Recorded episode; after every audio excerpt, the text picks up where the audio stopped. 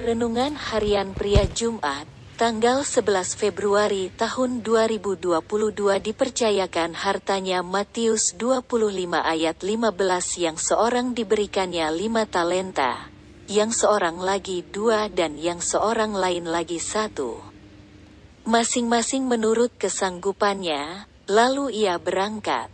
Yesus menceritakan lagi sebuah perumpamaan mengenai kerajaan sorga kepada murid-muridnya dan juga kepada orang banyak. Seorang tuan yang hendak berpergian dan memanggil hamba-hambanya serta memberi kepercayaan hartanya kepada hamba-hambanya. Yang seorang diberikannya lima talenta, yang seorang lagi dua talenta, dan yang seorang lagi satu talenta.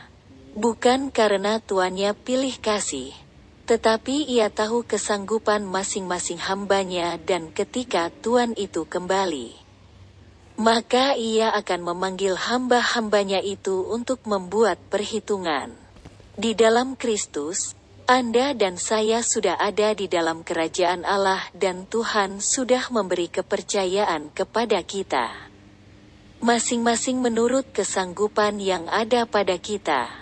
Jadi kita tidak boleh kecewa, iri hati kepada saudara seiman kita yang lainnya, yang menurut kita mendapatkan lebih dari Tuhan.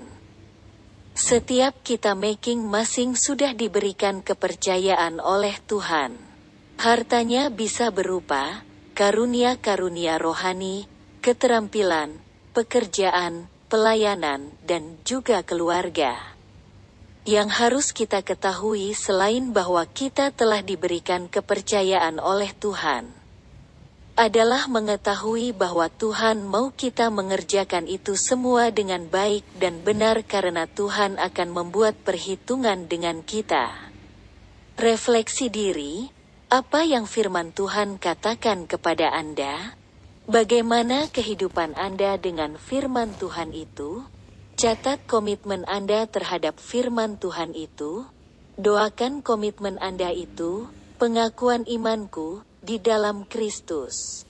Saya bersyukur karena telah diberikan kepercayaan oleh Tuhan hartanya.